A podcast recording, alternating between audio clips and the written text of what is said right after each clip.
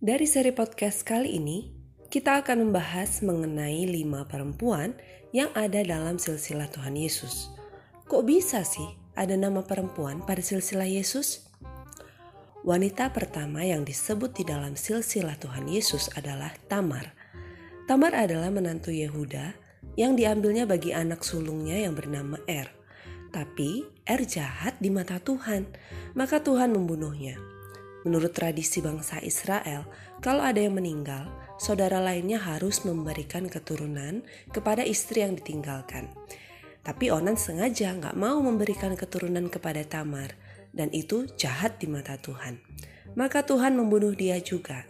Setelah itu Yehuda menyuruh Tamar kembali ke rumah orang tuanya, menunggu Sheila anak ketiganya dewasa. Tapi sebenarnya si Yehuda takut Sheila mati juga seperti kakak-kakaknya.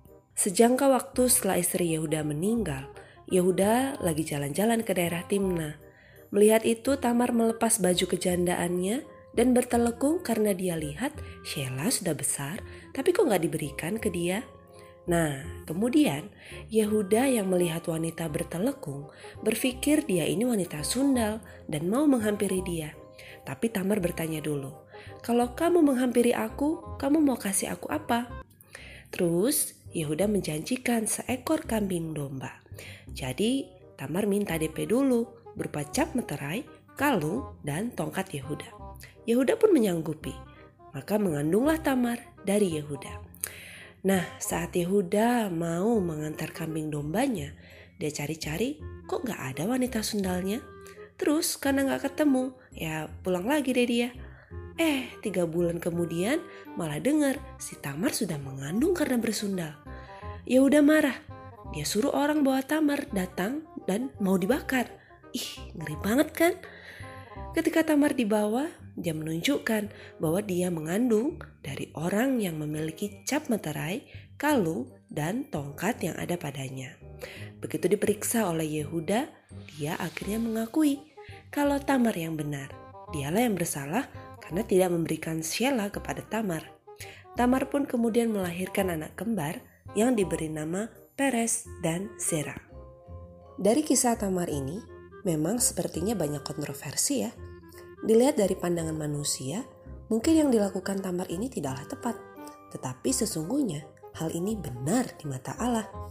Di zaman Tamar, hak kesulungan ini besar sekali artinya. Boleh dicek di kejadian 38 ayat 6 sampai 8 ya. Dia tahu kalau dia nikah lagi, dia akan dikucilkan dan terputus dari janji Allah. Tamar gak mau kehilangan berkat ini. Tamar sesungguhnya tidak memperhatikan hal-hal dosa. Dia hanya memperhatikan hak kesulungan. Hal ini juga dikuatkan dalam Rut pasal 4 ayat 12. Nama Tamar disebutkan kembali dalam catatan ilahi Alkitab. Jadi, Tamar adalah seorang yang memustikakan hak kesulungan. Kesulungan pada zaman itu maknanya sangat besar dan berarti. Tamar tidaklah seperti Esau yang menjual hak kesulungannya demi semangkuk kacang merah. Itu sebabnya dia bisa menjadi nenek moyang Tuhan Yesus. Wah, what an insight bukan? Hari ini hak kesulungan kita adalah Kristus. Kalau Tamar ngotot mendapatkan hak kesulungannya, kamu ngotot nggak buat bersekutu dan mendapatkan Kristusmu?